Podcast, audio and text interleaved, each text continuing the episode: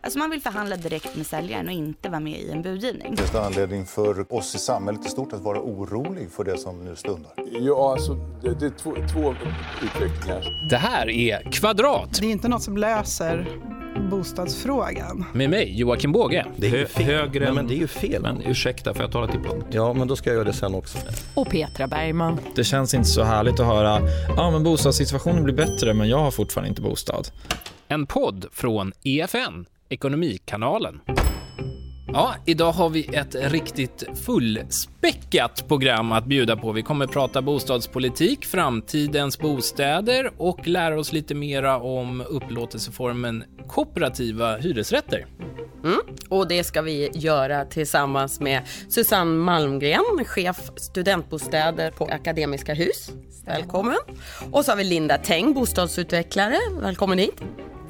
Och Daniela Waldfågel, näringspolitisk chef på Stockholms Handelskammare.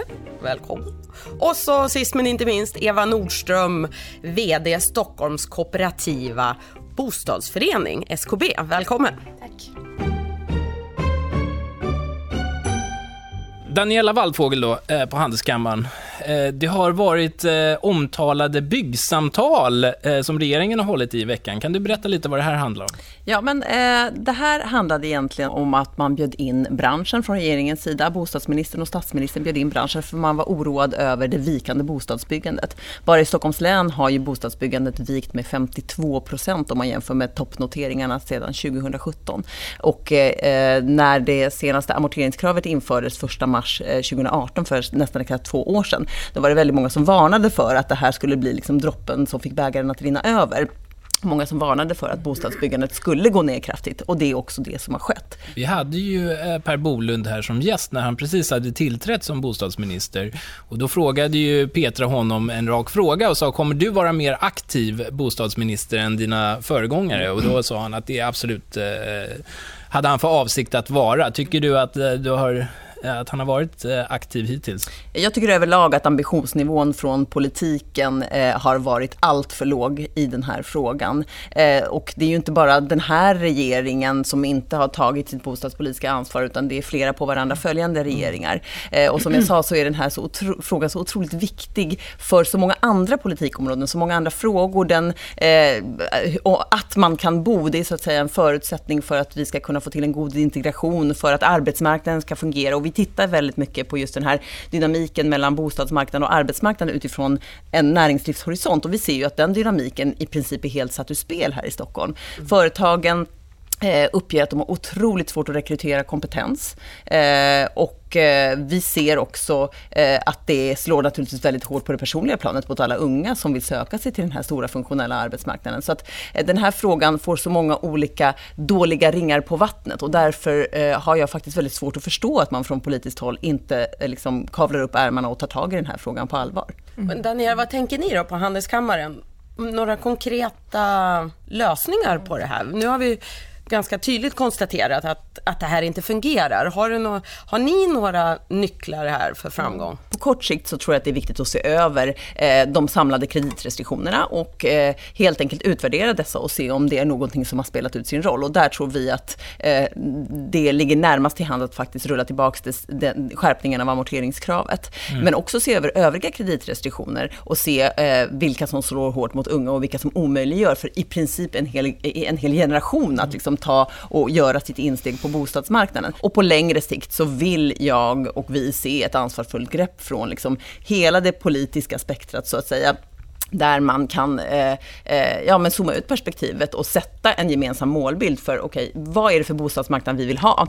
Och sen rulla tillbaka eh, och titta på okej, vilka verktyg måste vi använda för att ta oss till den här målbilden? Vilka reformer måste genomföras? Och så får man helt enkelt baxa systemet åt det hållet.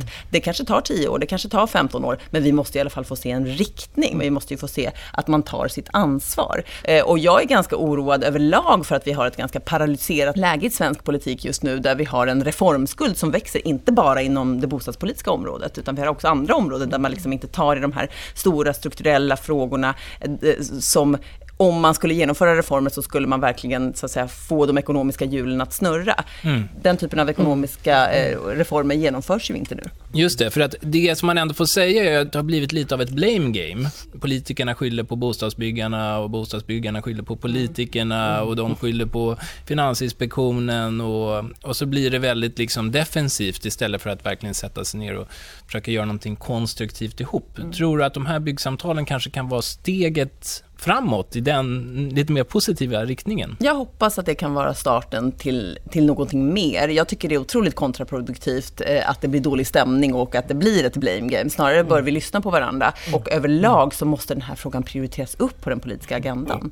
Ja, men jag delar väldigt mycket av det du säger Daniela kring detta. Alltså, jag brukar säga så här, vi behöver blocköverskridande överenskommelser. Det är den, min sektor som jag representerar vill. Vi vill ha stabila villkor. Mm. Vi vill veta vad som gäller. Vi vill inte att det finns investeringsstöd, så försvinner de. Så kommer de tillbaka. Därför att vi är ingen, vi är ingen som säljer en produkt från en dag till en annan. Vi bygger hus. Och Det är så de, när vi, cykler, det är så ja. extremt långa cykler. Så när vi väl bygger hus så kanske vi har haft en markanvisning mellan fem och tio år.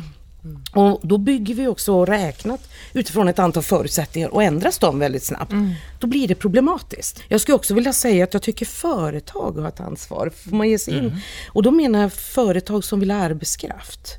Tittar man historiskt på SKB, vi ska prata mer om kooperativa hyresrätter om en stund, men när SKB bildades 1916 så var det ju personer som arbetade på LM Ericsson Atlas som gick ihop, bildade föreningen.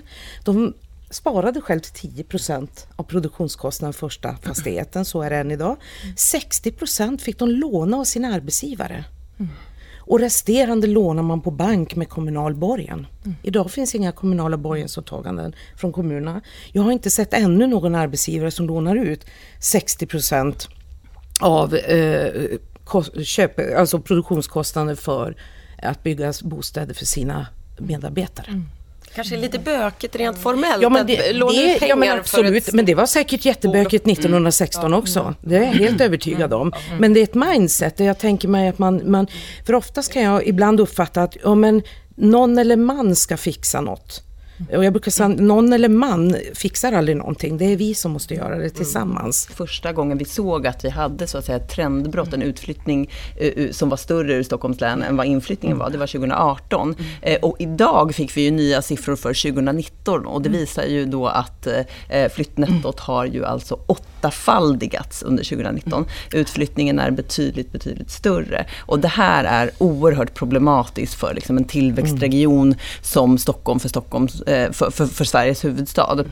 Och att inte se den direkta kopplingen till bostadsmarknadens dysfunktionalitet, det är nog ganska naivt.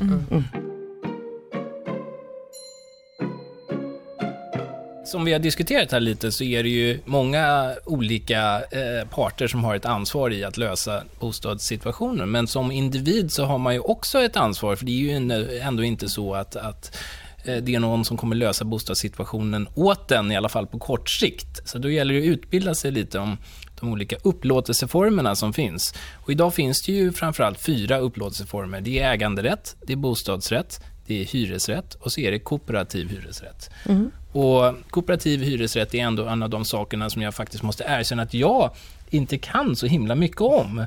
Så därför så har vi tagit in en riktig expert på ämnet, nämligen Eva. Vad är en kooperativ hyresrätt och hur skiljer det sig från en bostadsrätt och en hyresrätt? Ja, jag ska försöka göra det enkelt. Ja. Kooperativ hyresrätt är en egen upplåtelseform med en egen lagstiftning. Det är viktigt i grunden. Det, det finns en lagstiftning i Sverige som tillåter kooperativ hyresrätt. Jag brukar enkelt säga att kooperativ hyresrätt är en blandning mellan bostadsrätt bostadsrätt och hyresrätt. Det innebär att eh, i vår, det finns två modeller av kooperativa hyresrätter. Det ena är ägarmodellen och den andra är hyrmodellen. Vi då, SKB som jag jobbar på, vi representerar ägarmodellen. Det vill säga, vår ekonomiska förening äger alla fastigheter.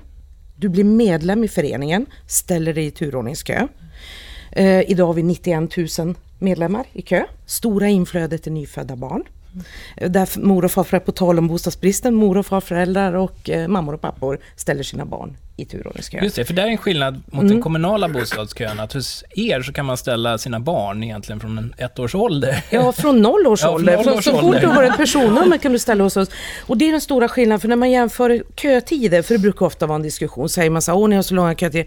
Ja, men då ska man ju komma ihåg att hos oss ska man ställa sig när man är noll år. Mm. Medan eh, när, man, när bostadsförmedlingen säger sina siffror, då har man ställt sig när man är 18. Mm. Så att det- måste man alltid med sig i beaktande när man tar våra kötider. Eh, Men insider-outsider-problematiken då? Eh, hur bidrar hyres, kooperativa hyresrätter till att lösa det? För att det är ändå, Mm. jag läste någonstans att ni har 31 års eh, väntetid på er lista. Ja, det beror alldeles på vart du vill bo. Vill Ja. du bo i Stockholms innerstad så är det ju långa kötider. Vill du bo i våra första kvarter uppe i Vasastan, då får du, har du ganska långa kötider. Men vill du bo i vår nyproduktion i Sundbyberg, som byggde vi i Ursvik, 148 lägenheter, då gick 25 procent med kortare kötid än ett år. Men kooperativ hyresrätt som modell Ja. hos oss så funkar det så att du står i turordningskö. Vi har strikt turordning, så när vi får lediga lägenheter så släpper vi ut dem för uthyrning. Anmäler man intresse och när man får, har tillräckligt lång kötid, då erbjuds man lägenheten. Då betalar man en upplåtelseinsats till föreningen, en deposition, brukar jag enkelt förklara det. Som innebär att föreningen får inlånade medel av den som flyttar in, men med det så får du en lägre hyra. Mm. Det är där jag menar att det är mix, men du kan aldrig sälja den här andelen eller på annat sätt Tjäna eh, pengar på tjäna den. pengar på den. Utan du får en lägre hyra och när du flyttar ut får du tillbaka de pengarna. Vad är fördelarna? Varför ska man... Nej men fördelen är det att vi ser ju att det finns ett antal eh, av våra medlemmar, stort antal av våra medlemmar som faktiskt har den här upplåtelseinsatsen. Men de är inte kreditvärdiga att få låna för en bostadsrätt. Och de har inte 15% av köpeskillingen att lägga upp på bordet. Men hos oss är det maximalt 10% av produktionskostnaden och det är ju något annat. Vad, är, vad kostar det på en etta ungefär om det bara Ja, ska i, ny, igenom I mellan... nyproduktion, mellan tummen och pekfingret, ungefär mellan 3 och 4 000 kronor kvadraten. Mm. Så om du har en 30 kvadratare, 90 000, 120 000 någonstans. Mm. Det har en, ett antal av våra ungdomar, och ett antal av deras föräldrar har det. Mm. För deras alternativ, det är 15 procent på en lägenhet som kostar 3 miljoner. Och det är betydligt mer än de här pengarna. Fördelen för de unga hos oss, det är att vi inte har något krav på att du måste ha ett visst antal inkomst gånger motsvarande, alltså vi har inget inkomstkrav att det ska vara fem gånger hyran eller tre gånger hyran. Det är inte Därför att- lika tufft som att gå till en bank. Nej, så och- hos oss så kan du vara student eller du kan ha ströjobb därför att din upplåtelseinsats är ju garanten för oss att kunna räkna av om du inte kan betala hyran. Hur vanligt är det då? Vi är ju de enda som är så här stora i Sverige som bygger kooperativ hyresrätt. Vi har 8100 lägenheter i Stockholm. Vi är den största privata hyresrättsaktören i Stockholmsregionen. I övrigt är det små kooperativa hyresrätter, i, ofta för äldre, ute i landet. Men jag, får man bara dra historien, varför finns det inte fler kooperativa hyresrätter? brukar vara den vanligaste frågan jag får. Måste man backa, om man då jobbar på bostadsrättssidan, så är det ju faktiskt så att bostadsrätten väldigt länge var ju låg insats och mer lån i föreningen. Igen, och man hade hembud tror jag fram till 80-talet, slutet på 70-80-tal. Det vill säga att du skulle lämna tillbaka till HSB eller Riksbyggen eller vem det var som ägde den. Eh, fram till 90-talet så var det ju mer lån i föreningen och du gjorde en egen liten insats. Så det var ju till stor del som en kooperativ hyresrätt. Fast i varje BRF-stug. Till man vände på den kutten då. Men om man, 90-talskrisen. är, om man bara får bli väldigt Ja. konkret här innan vi byter ämne, men om man är intresserad, om man är 18 år och eh, helt enkelt vill in på bostadsmarknaden. Mm. Antingen kanske man ska gå på universitetet i fyra år till, Mm. eller man, men man vill komma in förr eller senare. Eh, hur ska man tänka då om man vill eh, ta sig in i ert bestånd då till exempel? Ja, om du inte är medlem hos oss så måste du bli medlem och ställa dig i turordningskö. Och då är du 18 år, då får du antingen söka de korttidskontrakt vi har ute, för de har ju kortare turordningstid, alltså där vi sen ska stamrenovera. Eller... Mm. Det är så eh, kallade rivningskontrakt. Ja, rivning. Fast Ja. ja, vi river ju inte. Det jag tycker jag är ett konstigt begrepp. Ja. Jag, Ja, renoveringskorttidskontrakt. Ja. Alltså renoveringskontrakt. Vi river ju ingenting nu för tiden. Eh, och- eller det andra är ju att då får man ju blicka mot nyproduktionen och då är ju den, den är ju mer kostsam.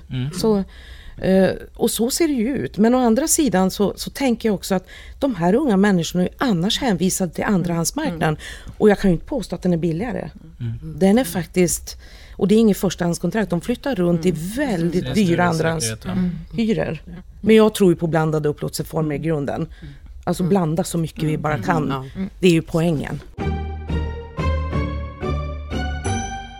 Ja, vi ska ta och titta in lite grann i kristallkulan framöver och då tänker jag framförallt på Linda Teng då som är bostadsutvecklare och Susanne Malmgren som är chef på Akademiska Hus.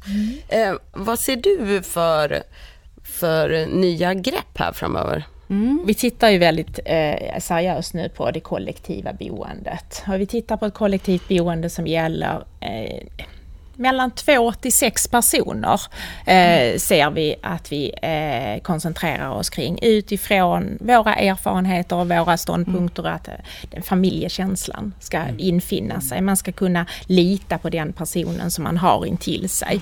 Och också eh, blir det ju en, en möjlighet inom byggreglerna att göra en privat sfär för de personerna som eh, alltså bor tillsammans men de får sin privata sovrumsdel och sen också går över till den mer offentliga delen av bostaden som blir naturligtvis väldigt trevliga umgängesytor. Och laga mat tillsammans och sitta tillsammans. Och, och när vi tänker på våra studenter eh, i vårt bestånd så tänker vi ju väldigt mycket på dem utifrån att de flyttar säkert till en ny ort. De är ganska okända där, de har inte något kontaktnät. De ska prestera i skolan. Eh, alltså det sociala nätverket behövs för att de ska må bra. Så det är ju en väldigt viktig del för oss. Även om vi hyr ut i lärosäten och vi jobbar med andra bostadsutvecklare så är det ju studenten som kommer ny till den här staden som ska prestera och ska, ska klara av det och må bra. De unga måste ju må bra idag och det ser vi ju att det är också Mm. ett problem i samhället. Det har ju varit problem nu med de här nya moderna delningstjänsterna som Airbnb som fastighetsägarna till exempel inte gillar särskilt mycket. Eh, varken när det gäller att hyra ut studentbostäder eller Mm. sina hyresrätter. Hur, hur ser ni på Handelskammaren på, på den typen av delningstjänster som kanske skulle kunna öka effektiviteten i det befintliga beståndet? Eh, Jag tror att man ska så att säga, välkomna alla de nya olika typer av innovativa grepp som finns, men naturligtvis utvärdera hur de också fungerar. Och det får man göra löpande och se om de mm, fungerar väl och vad de leder till för effekter och för konsekvenser. Men att vi ska kunna dela på ytor på ett smartare sätt, eh, det är nog ditåt vi måste vara på väg, både av hållbarhetsanledningar så att säga, och för att faktiskt fånga upp det som, eh, ja men så som man pratar och så som man vill leva i den unga generationen idag. Man har en benägenhet att vilja bo tillsammans, att dela på gemensamhetsytor och eh, det gör också mycket för liksom, det sociala tror jag. Vi behöver förändra våra regler och liksom